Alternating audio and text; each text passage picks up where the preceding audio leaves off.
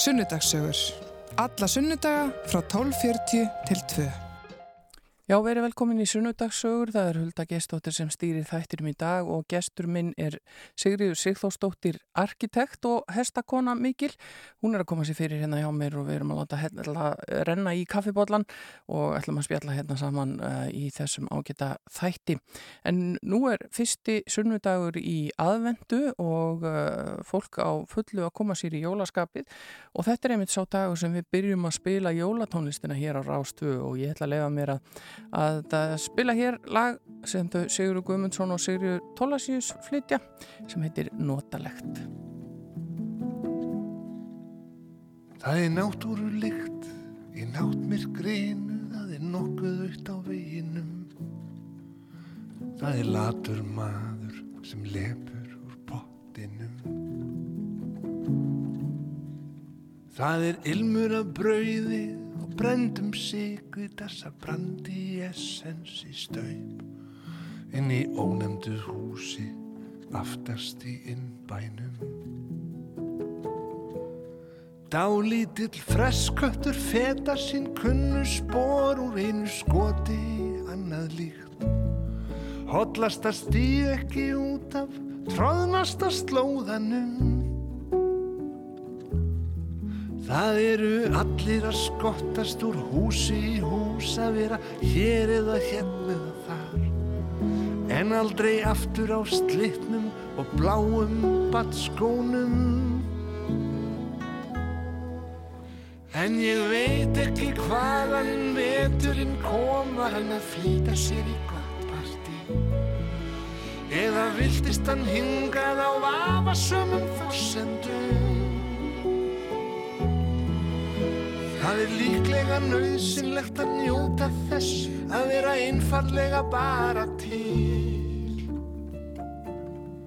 Því allir býða, það er upp og snell, allt er gali, það er að koma í Þegar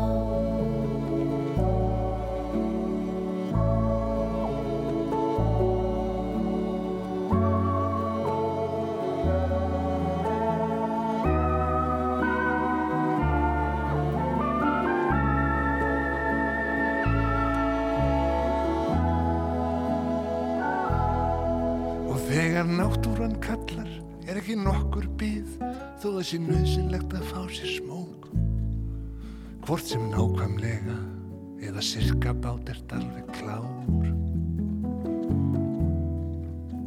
Þér er ætlað að hoppa þá hoppir þú út á hafið eða inn í skáp. Það er ekkert stress þú hefur allaveg Og kissi finnur sig í þessum fáráða tíma þá er fristiklistan tæmast ná.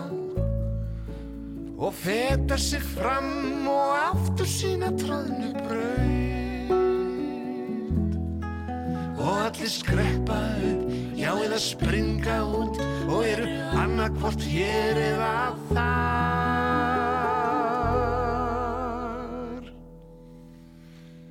Ég bara veit ekki hvaðan þessi vetur kom Var hann á rifi eða greni vík. Kanski viltist hann söður eftir stelpur Keflavík. En það er bókstaflega banalt að gera nokkuð Nefn að hugsanlega vera til. Því það er nægur tími, það er notalegt Það er kósi, það er komin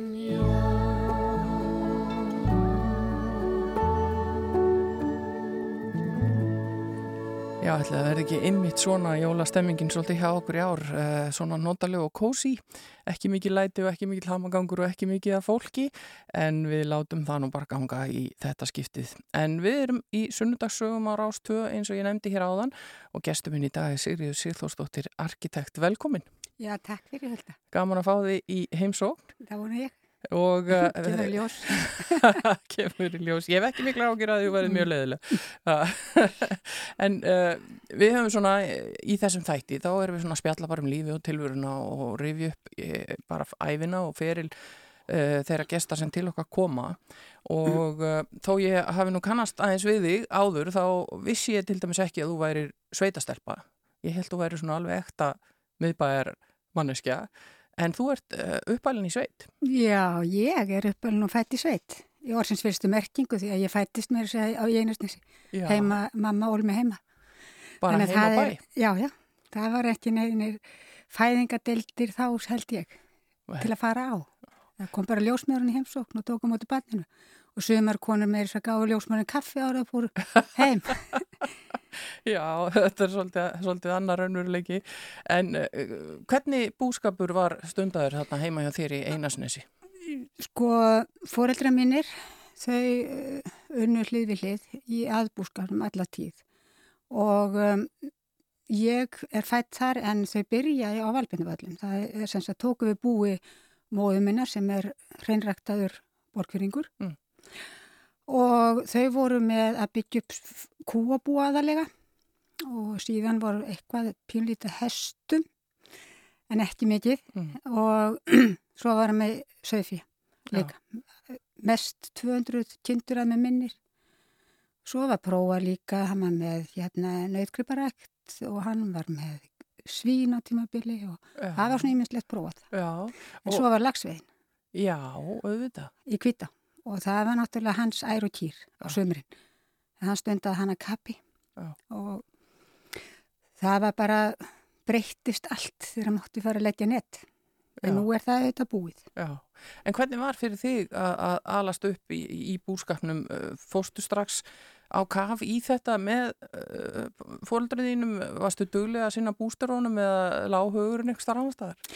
Sko ég er yngst sjö sískina og við erum, má segja, öll náttúrulega bara alin upp í því að metnaðastígin liggur upp á við að fá hlutverk í sveitinni. Mm.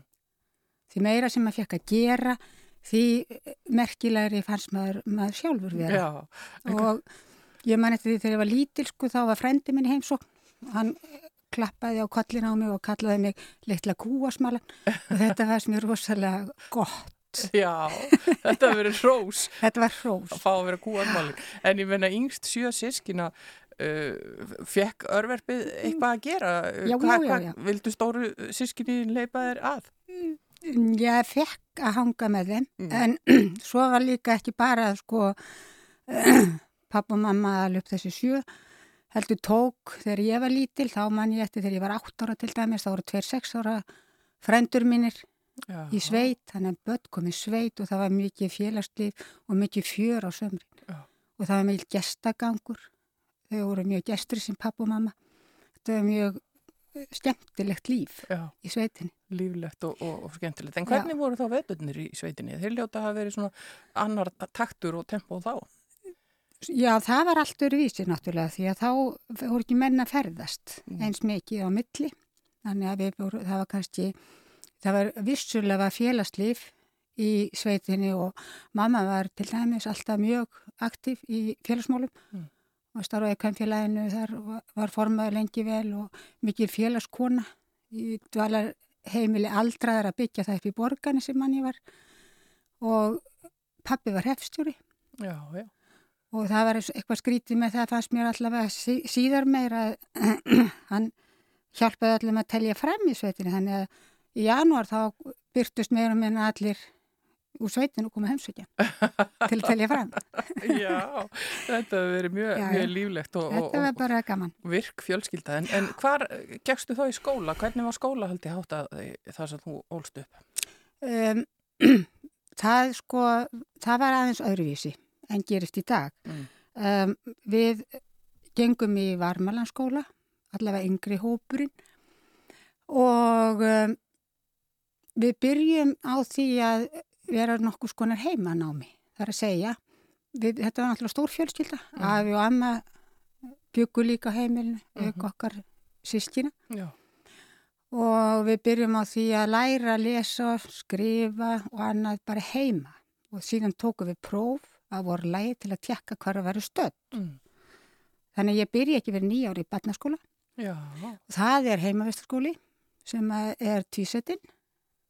Þannig ég var þrjár vikur í skóla og þrjár vikur heima. Já, Sem varst á eitt- vöktum bara. Já, mér reiknast til að ég hef verið eitt og halvt ár í skóla sem barn. Já. Já. Þetta er svolítið aðdeglisvest og, og, og hvernig var fyrir nýjára gamla stúlku að fara úr þessari stóru fjölskyldu og í heimaðastaskóla? Var það ekki derfitt? Það var náttúrulega bara alltaf þannig að maður fekk í magan þegar maður kerði upp brekkuna í rútunni á, hjá kvennarskólan. Mm, Það var bara ekkert öðruvís. já. Og var það þannig allan tíman eða vandist þetta? Jú, jú, sjálfsagt vandist það. En En- alltaf, alltaf gott að komast heim? Já, það var alltaf rosalega gott að komast heim. Já. En síðan uh, þegar þú hérna ert orðin eldri og, og uh, ferði áfram í náma þá, þá þarfst að fara lengra að heiman. Þú, Já, ég fer náttúrulega úr barnaskólanum á uh, Varmalandi, þá fer ég í Borganis. Mm. Og þá háttaði þannig til, hann hefur sjálfstur tísettin líka því ég var bara eftir háti í skóla. já, en bjóst Já. á heima og, Þá bjóð ég heim og var keirð. og var skólabíl? Já, það var skólabíl sem kerði. Við vorum svo heppin, þó við tilherðum borgarheppi, að í borganisreppi krakkar í nálegum bæjum voru kerði og þá gatt pappi einhvern veginn smútað okkur inn líka. Já. Þannig að við vorum kerð. Já, þannig að þá, en, en eins og segir, ég man einmitt eftir þessu að, að skólanir voru svona tvísetnir og þá var Já. eh, einhver hópur sem að var í skólanum fyrir hátti og annar eftir hátti og Mm. kannski finnst manni það ekkit slemt á okkurum aldri. Nei, manni finnst það kannski ekki neitt, sko. Og ég náttúrulega var svo duglega að læra því ég hafði ekki annað að gera mótnana. Og um, maður var náttúrulega ekki að fara í fjós eða eitthvað slíkt, Mm. mm. hjálpa til neitt á bænum, að bara að skólinn byrjaði. Já. Þannig að ég bara var efst í mínu bekk, þó ég hef bara verið eitt og hálft ár í barnaskóla. Þannig að ég nú, hvað er að gerast hér? Það er kannski bara hægt að gera þetta á, á miklu styrtri tíma en við höfum verið að gera. Að skoða þetta allt saman. En uh, þetta hefur verið eh, hérna, skemmtilegu tími samt og, og, og uh, þú, þér hefur gengið vel og, og námið hefur leið vel fyrir þér. Já, ég held sko kannski líka var það viðmótið. Um, pappi og mamma þau lögðu ríka áherslu á að við færum öll í nám, Mm. krakkarnir og það hafði alltaf forgang og það var aldrei neitt talað um að eitthvað kostaði. Þegar við förum í mentaskóla til dæmis þá er, er við þrjú sískin í Emma Mm. og einn í Bifröst og einn út í Danmörku í landbúna háskólanum þar. Þannig að eitthvað hefur þetta kost á svona tíma en við fengum aldrei tilfinningu fyrir að það væri málið. Nei. Aldrei Og- minnst á það. Og þau hefur bara, fyrir þeim hefur þetta verið mikilvægt að þau hafa þá jafnvel fórnað einhverju sem þau getur verið að gera sjálf til að, að að kosta Já. ykkur til náms. Al- Án efa sko. En það var mikill kvati að heiman og því laði maður líka áherslu bara að standa sig.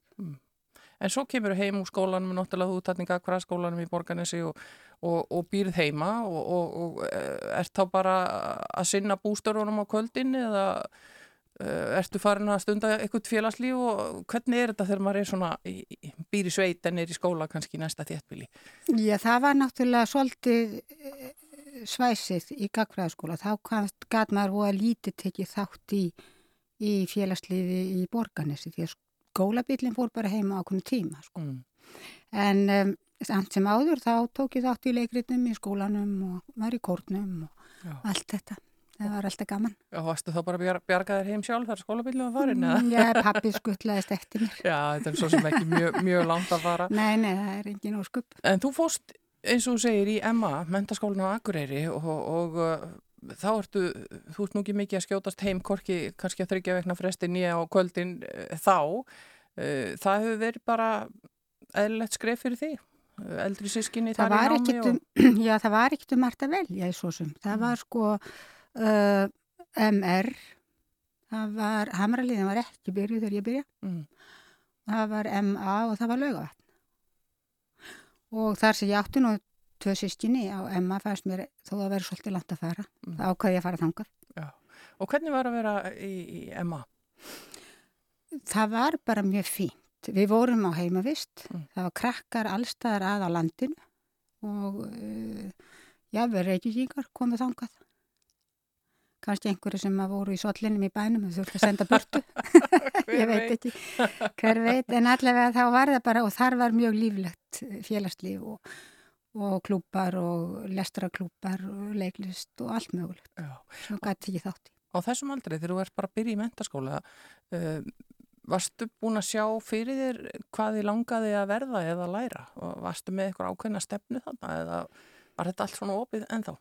Það var allt opið. Ég, sko, ég kynist nú uh, manninu mínum heitnum þarna í mentaskólanum. Hann kemur frá Húsavík og uh, ég verði ófrísk á þriði ári. Já. Ég var nú kannski ekki einum það. Við vorum held ég sex stelpunnar þarna í mínum árgangi. Um eitthvað var að gerast kynlegt Já. í MA. Já. En ég man eftir þessu sko var, það var mjög erfitt og það snýri svolítið þetta við lífi mínu. Mm. sem er, ég bara barn Já. og, Og, og hvernig á þessum tíma, hvernig var þessu tekið? Hve- Hvernig brúðu samnefnundur þínir við og kennarar og, og fjölskyldaði? þessu var bara vel tekið í sjálfu sér og allir tilbúin að hjálpa mér Mm. og það hátta nú þannig til að ég er síðasti árgangur sem þarf að lesa upp allt pensum til að ljúka uh, krakkandi sem í bekknum á eftir þau voru í áfangastiftingu Mm. þannig að ef að ég hefði hægt námi þá satt ég uppi með bann ekki stúdinspróf og litla möguleikan en að fara út á atvinnumarkaðin Mm. en tengdafóreldra mínir fyrir eh, heitnir sem að Herdís og Sigurður á Húsavík þau buðust til að taka Herdísi mína Já, dóttur ykkar. dóttur okkar, já. Og ég hérna þáði það. Það er svona erfiðasti ákvörðin lífminu held ég. Mm. Og ég mæl ekki með þessu. Nei, En mér, þetta var stutt frá já, og mér tóst að fara með rútunni þegar að færi gafst. já. Það fór ég yfir að húsa ykkur helgum. En hvað ertu gömul þarna? Bara hvað, 19 ára? Já. Þegar ég á hana. Já, Ég var náttúrulega mánu og sein inn í skóla en svo kláraði ég bara og tók svo við barninu að því loknu alveg. En það lítur að hafa uh, myndast mjög náinn þráður þarna á milli hennar og, og ömmunar og afa. Já, já. Þau heldum mikið upp á hana. Já. Og þau náttúrulega áttu sín börn líka. Já. Og þetta var, þetta, var, þetta var náttúrulega bara erfitt fyrir þau ábyggilega líka að taka við barnum þó þau segðu mér aldrei frá því. Mm. Það léttu mig finna fyrir því. Nei. En þeir voru bæði þá í skólanum, þú og Hallmar áfram og, og, litla stúlkan hjá þeim og afa meðan.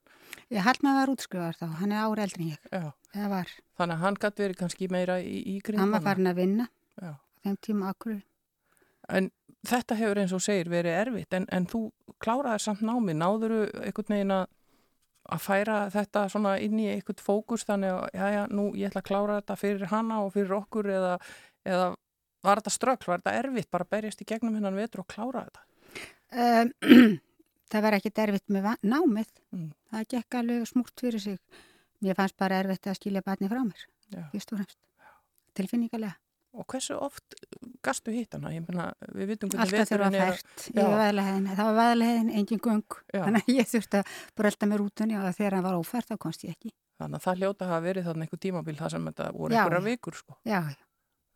Það Eh, var það. Sittur þetta í þér eitthvað þessi Já, já. reynsla? Já. Það held ég.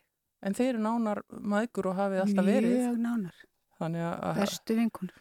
og, og, og hún, hún hefur fullan skilning á því þið þurftu að gera þetta til að bara ég geta menta ykkur og byggt ykkur betra líf.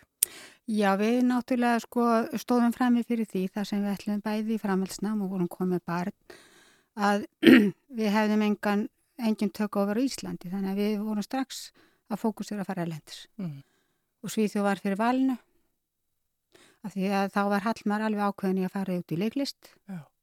og þar voru ímus tækifæri en uh, ég var svona óviss hvað ég ætlaði að gera ég hafi bara það var hringsnýri svolítið í kollinum á mér En þið hafið samt svona verið búin að setja ykkur ákveðna stefnu og, og, og þetta var þetta liður í því að klára skólan svo að þið getur farið út og haldið árum að læra.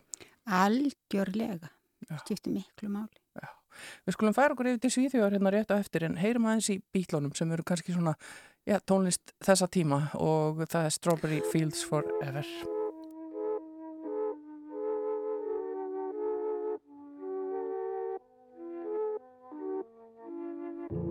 Let me take you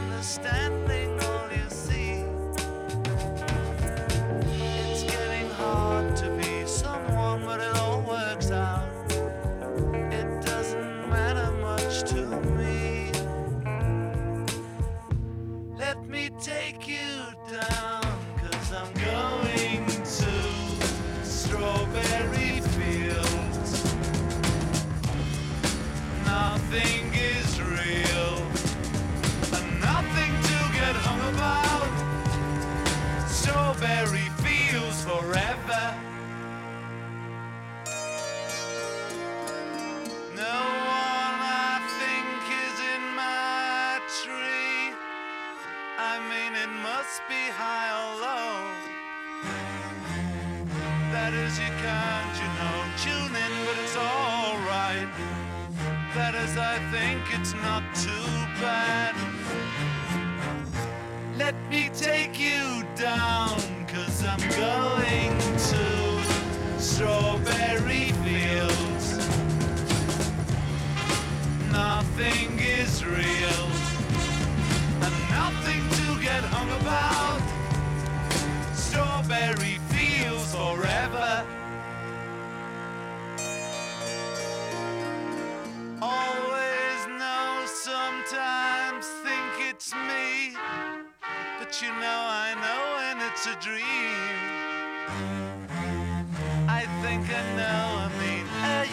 it's all wrong. That is, I think I disagree. Let me take you down, cause I'm going to strawberry fields.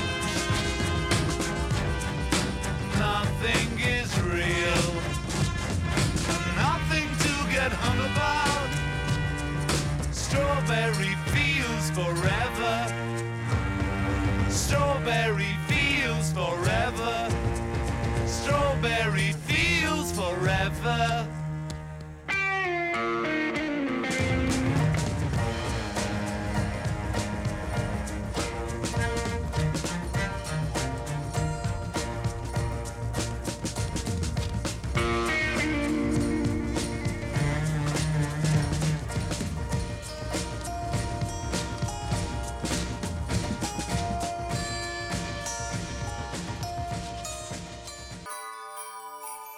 Jólarástfö Já, við erum að þetta í jólaskapið og við erum hér í sunnudagsögum. Það er Hulda Gestóttir sem stýri þættinum í dag og gestuminn er Sigriður Sigþórsdóttir og uh, við vorum að spila hérna bílana, lag sem að þú valdir Strawberry Fields Forever. Af hverju kom það upp í hugan? Uh, Þetta svona tengist mikið æsku árun. Var svo gaman í einastissi og við erum alin upp við svona uh, alltaf hljóðfæra á heimilinu. Mm. Og ég held ég að vel sko að langafar mínir, báðir hittu Jón, annar í Galdarholti og hinn á Valbjörnvöldum, þau keftu fyrsta orgalið heimi í sveitina, Já, saman. já, þau lögðu púk. Þeir lögðu púk og það var staðsett á að þar, Jón langafi þar, Já. hann var póstur líka þannig að það var meira í alfari leið og svo kom Guðmundur afi minn og hann fór svo á milli bæja og lærði á orgelið og hann var síðan organisti í Stafholti og Víðar og Borg. Já, Ég held að hann vera 12 ára þegar hann spilaði fyrstu aðtöfnin í Stafholti. þannig að það hefur verið músikast heimilsald hjá Já, þér. við krakkarnir, sko, okkur, við fengum ekki tækifæri til að læra í, á, sagt, á hljóðfæri. Mm. Það var nú kannski aðstæðunar, erfitt að sækja tíma og fleira Já, og fátt í bóði. En við spiluðum og allavega ég spilaði minnst að því ég var yngst, maður alltaf ítt af hljóðborðin. en við sungum, sko, við lærðum all býtlalögin og svo hópuðust við saman. Og það er svona eina af þessum sælustundum í Strawberry Fields Forever. Við sátum eða stóðum hringin í kringum orgelið og röttuðum og syng, sungum og sungum þetta hefur verið sangurlu hérna, von Trapp family. Já, þetta var voðalega gaman það er skemmtilegt. En þið, uh, Hallmar Sigursson heitinn, þið eru þarna ung og komin með, með barn og, og stefnið til útlanda í nám og þið flytið til Svíþjóðar. Eh, Við flytjum strax í júli eftir að Já, beinti svíþjóðar. þið eru bara kornung fjölskylda Já, já. Og takið ykkur upp og þetta var kannski svolítið mikið meira mál á þessum árum heldur en núna. Núna getum við verið í mynd og talið við okkar fólki í útlöndum hvena sem er. Uh, hvernig var að flytja úr landi á þessum tíma, svona alveg? Þetta var náttúrulega bara stór skrítið. Ég hafði sjálf aldrei komið til útlanda áður og um, ég fór hérðan í rigningu og roki, þokkalega vel klætt og lendi hittabilgi í Stokkólmi. Þannig að maður þurfti nú að byrja því að rífa úr áttum fötunum meður og minna þegar maður kom þangað. Já, Og, um, en Svíþjóð tók vel á mót okkur. Mm. Við vorum búin að ná að vera í sambandi við Íslendinga Hallmar sem að veitt okkur stjól og húsastjól og aðstóð okkur já, og svo fengum við fljótlega íbúð og svo byrjaði Hallmar í námi og hann, ég fó- fór að leita mér að vinnu af því að það er svolítið auðra lítil já, þeim tíma. Og um, ég fekk hana nú fljótlega og vann svo sem sjúkraliði. Uh, lærði máli strax það var engin vandamál. Já, og við fórum síðan bara fór ég í listasögu. Þegar ég var svona að læra málið og átta mig á hvað ég vildi. Og þá kom upp þessi þrá að verða arkitekt já, ég hafði ekkert vitað að þetta stað, starfsheiti væri til sko. nei, þegar ég var í sko, ég rataði ekki í Reykjavík þegar ég flytti þannig laga séð. já, Þetta ég kom aftur Reykjavík já, en já. var hjá ömmu Reykjavík. En þú varst búin að vera skotnum? auðvitað bara mest í sveitinniðinni og síðan á Akureyri í, í, í mentaskóla. Og svo beint út. Og Stokkólmur er nú stór borg og, og, og uh, kannski ekki einföld fyrir þann sem að þekkir ekki til. En þið hafið aðlagast hratt og vel og, og liðið vel Já, mér leiði vel í Svíþjóð. Það, hún fór vel með mig á Stokkólan með gullfalli borg. Mm -hmm. Gaman að hafa búið þar. Já, Og um, ég á ennþá, svíjar eru svona vinir manns. Ég á ennþá góða vini frá skólaárunum og við kannski vorum fyrst meira með Íslandingum eins og gengur. En síðan var kannski sænska kunningjakerfið sterkara á tengslanettið. já. Og þið svona runnuð inn í þetta. Hvað voru þið lengi þarna? Hvað var námið hans Hallmars langt í, í því sem hann var að gera? Sko hann byrjar í leikúsfræði og líkur henni og svo kemst henni inn í Dramatíska institutet og það voru 20 ára nám til viðbútar. Mm. Svo var hann að vinna síðasta árið á meðan að ég var að leikstýra út á landi og með ég var að ljúka námi og ég útskrifast 1980 Mm. og það kem beint heim. Það var erfitt að fá vinnu sem arkitekt Já. á þeim tíma og okkur fæst alveg tíma bært að koma heim. En hvernig var uh, arkitektanámið og svona, þú, bara, er þetta eitthvað fluga sem að, kemur í höfuðið á þér eða? Nei, alls ekki. Þetta er náttúrulega, mér fannst nú alltaf óskaplega gaman að teikna. Þú og ég hugsa, já, ég listræn. get alveg teikna, hugsa ég, ég, ég hafði svona uh, gengið vel í gegnum tíðina í skólanum, haft mikið gaman að teikna, svo kynnist ég hérna, náttúrulega í gegnum listasöguna, byggingarlistasöguna, uh, hvað arkitektúr er og já, ég reyndar alltaf haft á, huga á byggingum, Mm. en þetta nám var bara býstna gott. Já, Stokkólmi var mjög eftirsóttu skóli og á þeim tíma, ég veit nú ekki hvernig þetta er í dag, þetta sveiflast á milli sjálfsagt, hvað er í bóði og hvað er í stýra. já, En þá var það þannig að maður þurfti að vera með í sænsku stúdinsprófi 5 plus, þeir gáða bara upp í 5 til að komast inn. já, Og svo kem ég þarna og sækjum og fæ náttúrulega bara neitun, ég er ekki nefn bara, ég var með fyrst ágætt sengun, allt í lagi með það. Svo ég fyrir að banka upp á og spyrja á hvað valdi, akkur ég komst ekki inn. Og þá vildi sko að ég hefði tíu til að hleypa mér inn. og ég sagði að það þekktist nú bara ekki á. Íslandi fyrir að fyrsta væri við með fjagra ára stúdinsnám Já. að baki og, og mín einhvern væri bara mjög góð. Já. Og þannig tróði ég mér inn í skólan. Þannig að þú hefur barist fyrir þínu, þú tókst ekki bara neginu og, og, Nei, ég tók því ekki en, en það var væntalega ekki verið margar stúlkur í þessu námi á þessum tíma. Uh, jú, það var byrjað að fjölga. Já, Það var byrjað að fjölga en hvernig það skiluði sér síðan út í atvinnulífið er auðvitað misjátt mm, og, og það er bara eins og breytingar í dag Já. frá því að ég lík námi og kem heim. Þá er náttúrulega minni hlutin konur en nú held ég að sé jável fleiri konur arkitektar heldur en karlmenn Já. í fægin. Hvað voru þið lengi þarna út í Svíþjóð? Við erum hérna sex ár. Já. Og, og alltaf bara ákveðin í að fara svo heim og, og, og byggja ykkur upp uh, starfsferil þar. Það hefur ekkit verið blundað í ykkur að, verða sænsk. Mm, Nei, það var aldrei inn í myndin eitthvað neginn. Það var maður að sakna alltaf landsins og við komum hinga líka á sömrin. Við komum hinga í hérna af unnum hérna. Ég var, þurfti meðal annars að taka eitt sömar í byggingavinnu. Þá reyði ég með byggingafyrirtæki á Húsavík. Já. Það var mjög áhugavert. Það var svona þjáleið þjóðleðin í gegnum bæin og ég var sett hinn með við göttun að klippa já. Já. Flokkin var svo handan götu sem var í byggingu. Já. Því að me- menn höfðu engan áhuga að fá eitthvað stelpugopa inn á byggingastað. Mm. Og ég man eftir að það var einn múrari, fullori múrari sem að sagði ekki orð allt sumarið í kaffetím. Bara því ég var hann. Mm.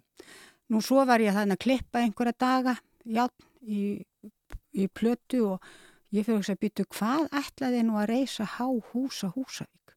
Að svo ég fyrir að tala við verkstjóra og spyr hann, þá var ég búin að klippa í tværblokkir. Ég fekk að fara yfir göttuna og vera með þeim Já. strákunum. Gamla verkvindu úr sveitinni, það skilaði sér. Já, þetta hefur verið, verið hérna, skemmtilegur tími uh, og þið komið þarna heim sem sagt og, og, og þú ert þá orðin útskrifuð sem arkitekt og, og Hallmar er í leiklistinni og leikúsfræðanum. Uh, hvar setist þið að þá hér og hvað tekur við? Um, ég fekk síðan vinnu á teiknistofum í sumafríum líka með námi og um, þá fer ég bara þangað til Geirhæs og Hróbjartar, Mm. vinnustofu þeirra og var að vinna hjá þeim. Og síðan gerist ég meðengandi þá uh, þremur árum setna búin að vinna hjá þeim. Og hef verið bara að vinna í fæinu alla göttu síðan. Og það er nú ímyndlega búið að ganga á í þessu fæi á þessum tíma sem þú ert búin að starfa í þessu. Við höfum séð uh, uppsveiflur og niðursveiflur og uppsveiflur aftur og svo framvegis. Og uh, hefur, alltaf, hefur alltaf haft nú að gera. Já, ég hef verið svo heppin að ég hef alltaf haft nóg að gera. Ég er náttúrulega sko byrja og eftir ég gerist meðeigandi þá er kannski stæðsta eða fyrsta stóra verkefnið sem ég fæ að hafa svona umsýslu með. Það var slátufélag Suðurlands Mm. í lauganisnu. Já. Þeir ætlaði að flytja þangað. Nú er þar listaháskólinn til húsa meðal annars. Já. Og uh, ég man eftir því að þá var ég bara á vikulengum verkfundum og fylgdist með. Svo var ég kölluð einu svona aukalega á fund. Þá hafði ég hátt að þannig til þegar voru að steipa bísna háan vegg, tekja hæða vegg Mm. og eitthvað hafði mótin gengið til. Já. Og við byggingastjórin og kallar á mig og við förum á staðinn og ég, við löpum þarna inn að byggingunni. Maður var náttúrulega á þessum tíma kannski með hárið út um allt og tískan var mjög sérstök. Mm. Við vorum þannig hálsýðum jökkum með mikla axla púða. þannig maður mað var kannski svo herðatriðin í þessum fatnaði Við svolítið vígaleg bara. og þá kemur æðandi maður á móti mér og svo staldrar hann við og byrju, er þetta arkitektin? Þannig að það var nú kannski ekki algengt að, að konur væri í stærri verkefni þá. Nei. En, það er nú sem betur verið að breytast núna. Já, en uh, síðan einhvern veginn sko fyrir, fyrir fólk, ég allavega eins og mig, sem að þekki til þín bara svona umfjöllur um verk þín í gegnum tíðina, að þá tengi maður þig uh, alltaf einhvern veginn við bláalónið og, og, og, og svona þann stíl sem að er auðvitað alveg sérstakur og, þú náttúrulega og þú og þitt fólk búið að vinna til ótal veluna fyrir uh, bæði þau verkefni og fleiri. Hvernig kom þetta til á sínum tíma og, og hver var hugmyndin og pælingin á bakvið þetta allt saman? þetta var náttúrulega alveg stórkostlegt að fá frá upphafi að vera aðili að því að taka þátt í þessar uppbyggingu en uh, þarna var í fórsvari Grímur Sæmundsson með mikinn stór hug og, um að, og hann í raun að sko breytti algjörlega viðmóti í allri hönnun og hvað væri ferða þjónusta. Þetta voru bara lálunarstörf, það mátti ekkit kosta áður, það var illa þessu staðið, meir og minna og Grímur vildi byggja upp og gerði, hefur gert og er bara fyrirmynd á Íslandi og braut blaði sögu Íslands í þessum skilningi. Mm. Og að því að menn hafði enga trú á þessu, að þessi grein yrði nokkus virði Já. í samfélagin. Og um, ég byrjaði þarna náttúrulega bara í að aðstóða við breytingar og alls konar hugmyndir og síðan er ég þá búin að vera aðalhönnuður að öllum byggingum í bláalónum síðan. Á hvaða stað var þetta þegar þú kemur aðeins á sínu tíma? Var eitthvað búið að byggja þarna eða gera eða var Það þetta bara þarna- hátt? Það voru þarna bráðabyrða hérna, íþrótta, gamalt íþróttahús með búnisklefum sem að Grindavíkubær hafði flutt heim að gömla orkuverinu Mm. sem er núna náttúrulega búið að uh, flytja allt burtu og stekka orkuverið og þarfnættu göttunum. Og þá böðuðu menn sig í affalli beint af nálagt orkuverinu, það var mikill háaði frá orkuverinu Mhm. og þetta var svona, já, samt sem áður ekstur og uh, mikið sóttur.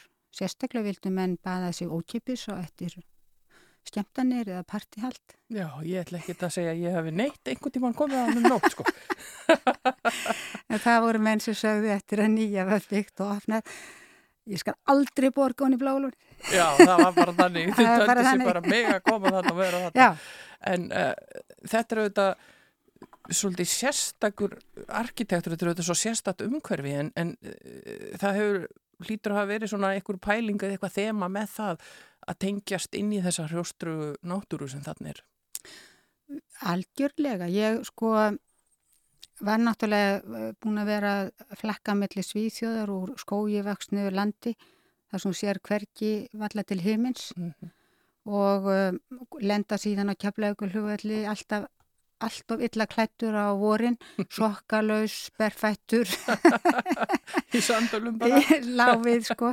En uh, þannig að við fannst þetta fyrst áður ég byrja að vinna, þannig að fannst mér þetta svona hrjóstrukt, já eins og nefnir. Mm. Síðan þegar maður fyrir að vinna inn í svona umhverfi og kynna sér jarðsöguna og hvað þetta er í stórkostlegt og merkir þetta umhverfi. Þá kannski gæt maður fundi flöt á því að móta og nýta umhverfið sem slíkt Mm. af því það er það sem er einstakt. Já, Það er bláa lónið sjálft, þessi jarðsjór sem sett með allir þessum steina, mer- virku steinefnum sem Grímur fór strax líka í að, að vinna með og skoða og lækningamáttur þess á sóriasis sjúklingað meðal annars og fleira og fleira. Mhm. Þannig að ég, mér fór að þykja ofboðslega vænt um þetta umhverfi. Já. Og þá bara fann maður flöt og, og raun er hugmyndafræðin svo að ég er að, við vorum að byggja hérna inn í það sem að sögurraun uh, rann yfir eldraraun og Mhm. myndaðist ákveðin kantur. Það er ekki til betra stjól en að raun, raunnu sjálfur. Mhm. Maður var kannski að berjast þarna um og skoða í hávaðaróki og lend og svo settist maður í gjót og þá var bara já. Þetta er rosalega fallegt. Og svo eru auðvitað þessar nýri byggingar og, og, og þetta já, hótelið og, aðstæðan sem er þarna komið núna sem að, já þetta er nú svona með því flottara sem maður hefur séð, það hefur nú ekki verið leðilegt að fá að, að hanna þetta. Nei, þetta var óbúðslega gaman að komast að fá að halda áfram í þessu verkefni og uh, þetta er bara í takt við anda gríms. Já. Stefna eins og með böðin, þjónustuna, verslanir, húðvörurnar og svo núna þetta hótel sem er náttúrulega langflottasta hótel á landinu. Já, þetta hangir allt svona saman. Já. Hefur unnið fleiri verkefni sem eru svona svipuðum anda, uh, svona það sem þú ert að byggja eða hanna inn í náttúruna? Það er náttúrulega kemur alltaf upp við mér náttúrubarnið, Mm. sveitastelpan. Mm. Þegar ég fæ viðfangsefn út á landi, þá ég get ekkit eh, hort til þeirra eða hugsað um þau fyrir ég er búin að fara á staðin. Ég byrja alltaf að fara á stað, Já. skoða og síðan leita leiða til að vinna verkefnin í takt við umhverfið. Mér finnst einhvern veginn að Íslensk náttúra er svo stórfengleg og ef að við erum að vinna með ferða þjónustu yðnaðin og fyrir hann, við getum auðvitað að teikna bara eins og gameskip sem væri að lenda eitthvað starf, Mm það er alveg hægt og getur verið mjög flott. Já, já, En uh, ég er einhvern veginn ekki þar. nei. Ég vil meira draga náttúruna inn í byggingarnar og, og að umhverju sé þannig að þú upplifir og tengist staðnum sem þú ert á hvar sem þú ert. Mm. Hvort sem þú ert að vinna með byrtu, flæði, dagsbyrtu eða þá rafmakslýsingar sem taka við, hvernig stemningin er. Já, Getur að laðað fram eitthvað sem er öðruvísi og ég held að sé eftirsóknarvert á meðan að við höfum möguleika á því að segja Ísland er öðruvísi. Það er uník. Ég var að skoða ferilskránaðina og, og, og sko ég, ég hef nú ekki mikið vita á arkitektúr, svona ég er bara svona áhuga manneskiða sem horfa á hús og finnst þau fallega eða ekki, en uh, það er ótrúlegu listi yfir vellaun og, og allskins árangur sem að þú og, og þínir samstarf, samstarfsmenn hafa náði gennum tíðina. Hvaða þýðingu hefur það fyrir arkitekt að, að vinna til svona vellauna eins og til dæmis hafa verið veitt fyrir þessar byggingar? Um, það er náttúrulega gríðarlega mikilvægt að fá klappa bakið Mm. fyrir störðin. Um, það er líka kvati, bæði fyrir þig sem hönnuð og eins fyrir um, aðraði stjettinni. Þannig að mér finnst sko arkitektavelun bara skipta miklu máli. Það vekur aðtikli á að arkitektúr skipti máli, hann sé mikilvægur. Við erum að móta í borginni, við erum að móta umhverfi manna og þetta er bara mjög mikilvægt starf Mm. sem við sinnum. Við skulum heyra uh, eins og eitt lag í viðbót áður en við höldum áfram. Við erum búin að, að spjalla um uppvöxtin í sveitinni og námsárin í, í Stokkólmi og svo uh, störðin sem arkitekt og við skulum fara aðeins í sænska gýrin aftur hérna og, og heyra Já, það er eiginlega líku við að þú þurfur að kynna lagið. Ég er ekki svo góð í þessu, þessum títlum. Uh, Polar en per hos det sociala. já, ég fann það nefnilega. Ég er með. Ég er með som... Somliga går med trasiga skor. Já, og hvaða kappi syngur? Þetta er Cornelius Vreesik. Við skulum heyra það.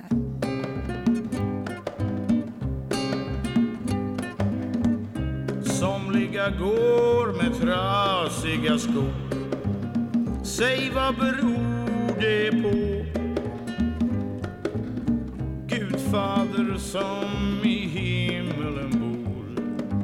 Kanske vill ha det så. Gudfader som i himmelen bor. Blundar och sover sött. Vem bryr sig om ett par trasiga skor? När man är gammal och trött? Vem bryr sig om hur dagarna går? De vandrar som de vill Medborgare om ett hundra år finns du ej längre till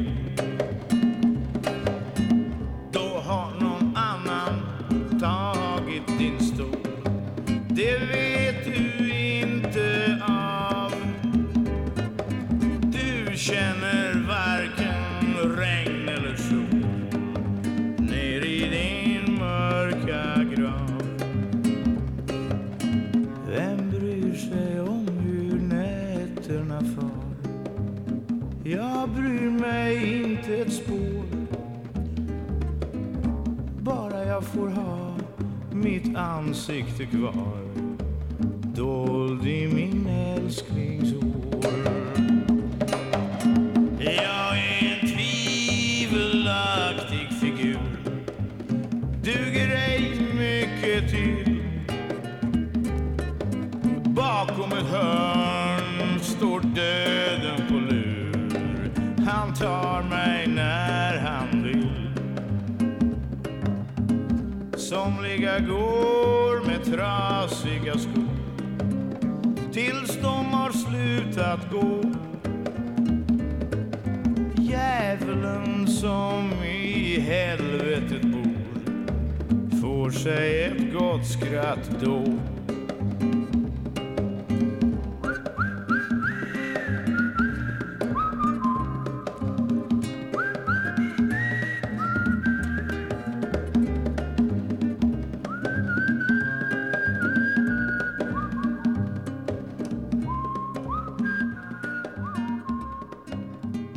Sunnudagssögur. Alla sunnudaga strax eftir hátegisfréttir. Já, áfram höldum við hér í sunnudagsögum við hefum hér skemmtilegt spjall við Sigriði Sigþórsdóttur arkitekt og við vorum einmitt að ræða arkitekturinn hér áðan og, og, og svona, já, hvað þessa stefnu og stemmingu sem að, að þú hefur eh, einbeittir að svo litið það er að tengjast við náttúruna enda, enda já, bæði sveitastelpa og hestastelpa alveg, alveg inn í bein eh, Við erum auðvitað búin að nefna uh, Hallmar heitin uh, nokkur sinnum í okkar spjalli en, en uh, þið auðvitað kynnist bara hann í mentaskóla og, og eignist dóttur ykkar uh, ung. Uh, svo giftuðu ykkur? Já, já. Við í einu sem að fríinu á Húsavík, þá brunuðu við í, til, á Borgamýrum og vorum gefið saman þar og um, það var náttúrulega bara uh, fylltur gamli bensin á Húsavík af fólki og við leggjum í hann suðurættir nema hvað í langadalinn þá gefst gamle bens upp. Opp, opp, opp. Nú voru góður á dýr þannig að við ringjum og þá er til einn leigubíl á blöndósi. Já, En hann tekur náttúrulega ekki alla farþegana og dótu gamla bens þannig að það var það það úr að Hallmaður var eftir gisti bara blöndósi og hóttu blöndósi og svo kom hann bara daginn eftir með rútunni minni mig.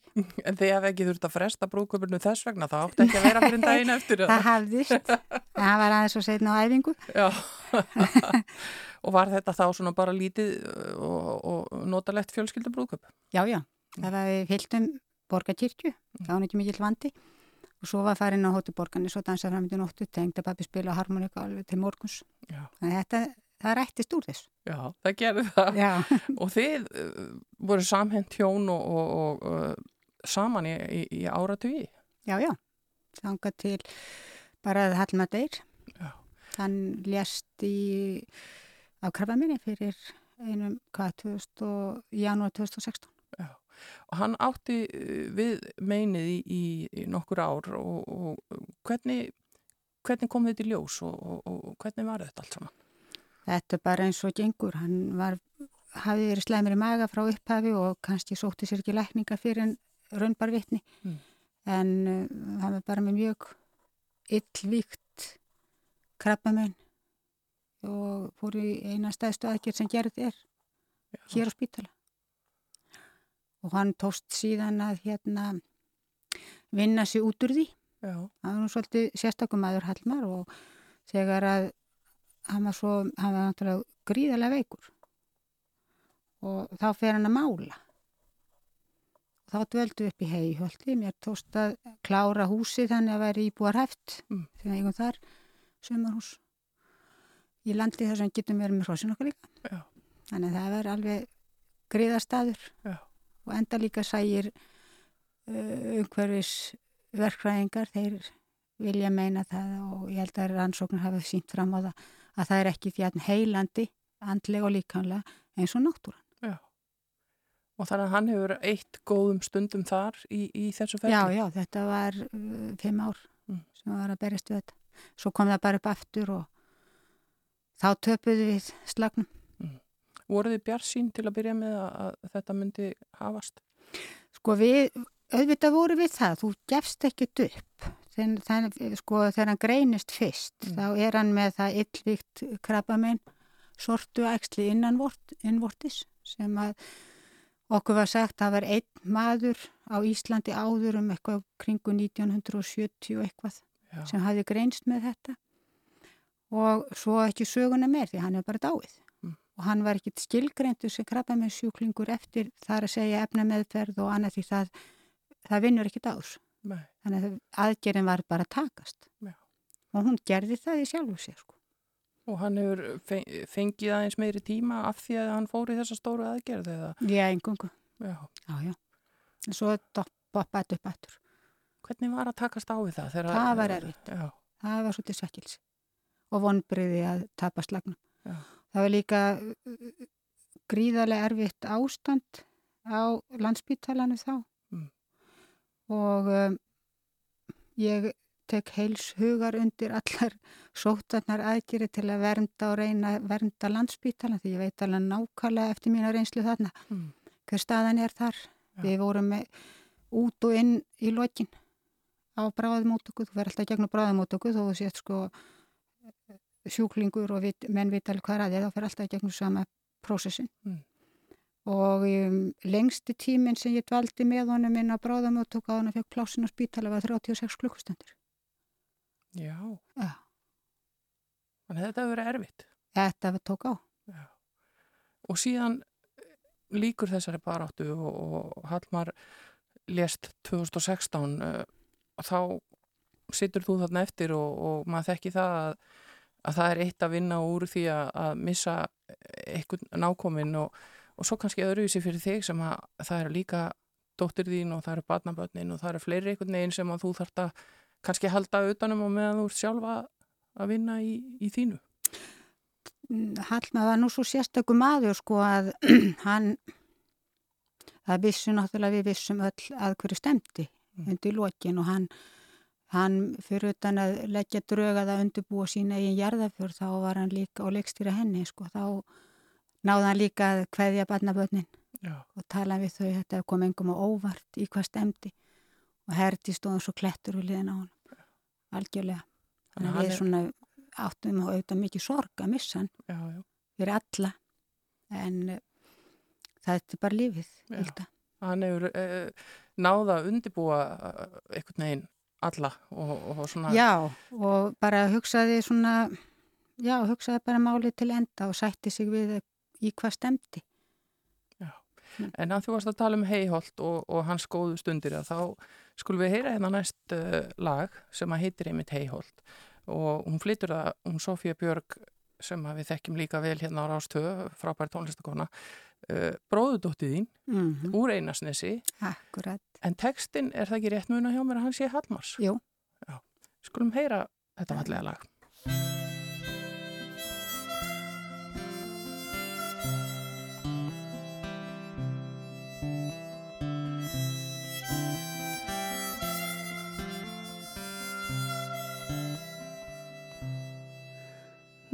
Hugsun oft velur í heiholt í ró og hopar ei þaðan þó þykist með snjó. Ég veit að þar verður mér rót og veran þar fyllir þrótt.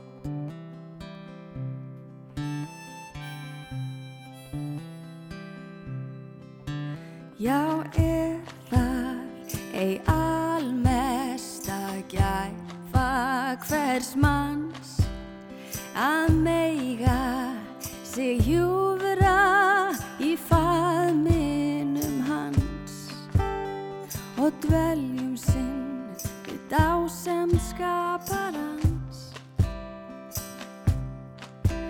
við dýrlegan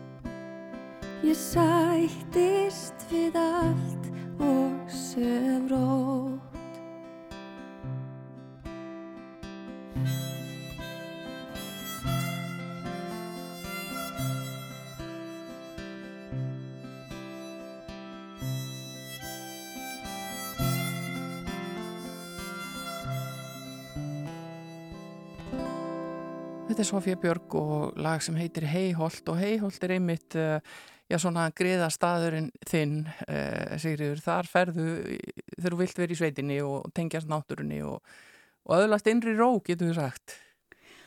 Já, algjörlega. Þetta er, þar er ég með hrossið mér líka á sömurinn Já, og það get ég rið út og ferðast og þess áttar. já. Þú hefur verið mikil hestakona í gegnum tíðina og ert svona, þú er kannski ekki þessi keppnistýpa en, en þeim mun meira ferðast um landi á hrossum. Já, ég sko, þetta var náttúrulega í gamla daga í sveitinni þá voru kannski ekki tómstundastörfin í bóði í klúbunum eins og í borganis eða við. Já, En við krakkarnir fundum okkur alltaf eitthvað til dundurs og sérstaklega ég og Jóhann sýstir við vorum hansi duglegari út mm. og fundum upp, upp á ymsum hlutum. Meðal annars eitt sumari manni er, ég veit mann út í hvað við vorum gamlar, en þá ákvaðum við að heimsækja hvern einasta bæ í, í hreppnum ríðandi. já. Og, Ég kom við kannski ekki allir verk, en við, við vorum drúar. já, Svo var dúntekja á bænum, við, við sendum því á Hespaki. já, já. Við vorum með, eh, sáum kýrnar þegar við hafðum getu Já. og, og fengum það hlutverk. En þú Þá búin voru að fara, hesta. þú ert búin að fara ríðandi um all land. Nei, nei, ég alls ekki nóg. Það, er hellingur eftir. Já, það er hefningur eftir sko. Og kær vinnu minn Hjörtur Karl, við erum að stúsa saman Já. og við mynduðum ferðahóp Mm. og með vinnum og við stefnum að, að ferðast viku á hverju sumri Já. og fara leiðir sem ekki farið áður. Já. Bæta alltaf við Alltaf í, bæta í, við. í reynslu banka. Og það er bara ofsalega gaman og það er í rauninni það alls skemmtilegsta sem ég ger Mm. í mínu frístundum Já. fyrir utan vinnuna, náttúrulega. Og þarna hliður batterið og, og sapnar orku og, og virkjar sköpunarkraftin sem þú nota svo í vinnunniðinni. Já, það er ekki bara það. það sko, ég nota þetta í staðin fyrir líkasrækt. Þú þarft að vera mjúkur í skroknum, þú þarft að vera sterkur, þú þarft að reyfa þig, Mm. þú færð reynd loft í lungun og svo færð að umgangast dýr og ef að þú læti steitir skapið þínu á dýrinu og kemur illa fram við eitthvað, þá ertu lengi að býta úr nálinu með það. Þannig að þetta er líka mannbætandi, hestamennskan, að mínum mati. Já. Ákveðin hugleðisla. Já, það er það. Já. Hestanir hafa nú svo sannlega hjálpað uh, þeim sem að þá umgangast á þessum erfiðu tímum sem við lifum núna. Það er mikil, mikil svona sáluhjálp í að umgangast dýrin. Það er bara alveg frábært. Ég fyrir beint úr vinnunni á Hesbakk. Tók í ert, september. og þú ert enn að læra. Þú ert í, í, í hérna, uh, námi, hestanámi. Já, ég kláraði reymannin, tveggjára námið í fyrra vor og ég var nú svo rosalega lán sem ég á fyrstu velna hrissu frá, sem hann Ágúst Sigursson kirkjubæ, vinur minn seldi mér, er Rós Já. og ég hafði svona slæm tök á hann eftir hún fór, kom úr kynbútarsýningu Já. og kunni ekkit með hann að fara í rauninni. Og í staðin fyrir að sitta henni í hendurnar á atvinnumanni sem ég hefði kannski átt að gera, þá ákvaði ég bara að fara í reymannin Já.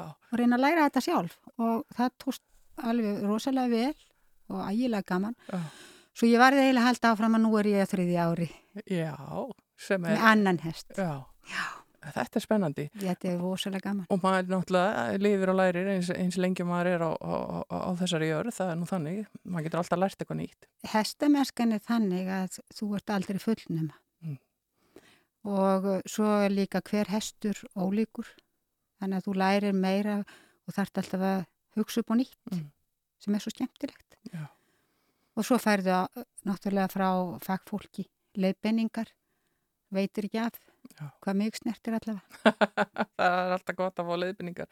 En þú talar um, um kæran vin. Hvernig, hvernig er það svona eftir missi að, að, að eignast nýjan svona vin eða kærasta eða hvað maður á að kalla það uh, þegar maður er bara orðin fullorðin manneski og búin að vera í áratvíi með einhverjum öðrum, var þetta ekkert flókið?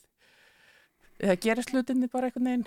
Ég við náttúrulega tekjumst úr félastarfi lengri, ég hef alltaf verið virk í félastarfi, landsambæði hestamannafélaga í Sörla hestamannafélaginu mínu Mm. og svo hef, var ég líka náttúrulega í arkitektafélaginu, ég hef alltaf verið svolítið virk í félastarfi Mhm. og þaðan þekkjumst við hjörtur Já. og þannig að við bara svo hittust við og erum á sama stað í lífinu svolítið. Já. Við erum já gömul Og lífið heldur áfram. og lífið heldur áfram. Það þýðir ekki að vera að horfa í bak sín í speilin, heldur bara að njóta stundarnar á meðan hún gefst. Er það ekki frábær lokaorð hjá okkur í dag, Sika? Jú, takk fyrir mig. Gaman að fá þið til okkar uh, hingað á Rástöðu í sunnudagsögur, Sigriður Sigþórsdóttir, arkitekt og uh, hestakona, sveita stelpa með meiru. Uh, við ætlum að enda á lagi sem þú valdir hand okkur líka með áskeri trösta og þetta fallega lag heitir Upp úr moldinni. Takk fyrir að koma og gangið sem allra best. Takk fyrir það, Hulda.